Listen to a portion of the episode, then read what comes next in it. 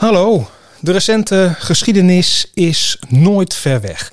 Zeker niet als je de herinneringskrant Zeeuws Weerzien erbij pakt. Hopelijk kan de krant in 2021 zonder problemen verschijnen. Elke week is er hoe dan ook een podcast. Dit keer met de herinnering van Peter Verdurmen. Goedemorgen. Heb je zin in dit nieuwe jaar? Ja, zeker.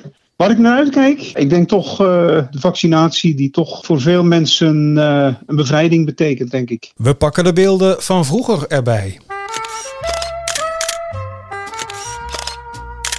IJzendijken, begin jaren 60. Wat was jouw liefhebberij? Het was een jaar of 7, 8, dus er was eigenlijk niet zo heel veel te beleven. Je kwam al heel snel uit bij voetbal. Ja, we hebben nog zelf eens een eigen voetbalclubje opgericht. En ik ben ook uh, kort lid geweest van uh, VV IJzendijken. Uh, als je op straat was, dan ging je voetballen. Had je ook allemaal posters aan de muur thuis? Ik deelde de kamertje met twee, twee broers. Dus dat was een beetje lastig. Maar uh, ik had uit de krant had ik een, uh, een plaatje geknipt van Pele. Hè, de beroemde uh, Braziliaanse voetballer. Dat zie ik nog voor me hoe dat daar hing. Ik had het uitgeknipt en dat hing zo mooi. had ik het tegen het behang geprikt. Het was gewoon. en de man leeft nog, hè? Dus ja, het is toch wel bijzonder. Altijd voetballen, zelfs in de winter. Maar kon dat? Ja, ik had met twee vrienden uit de buurt, Ronald en Gerard.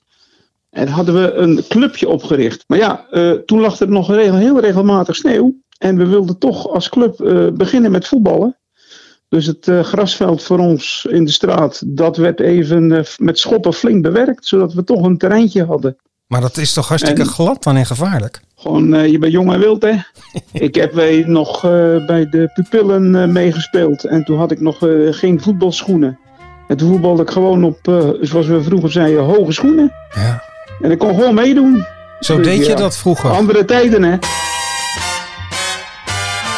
Waren dat ook prettige tijden? Uh, ja, het was toch wel uh, een, een, nou, niet een naïeve tijd, maar wel een, ja, toch wel een zorgeloze tijd eigenlijk.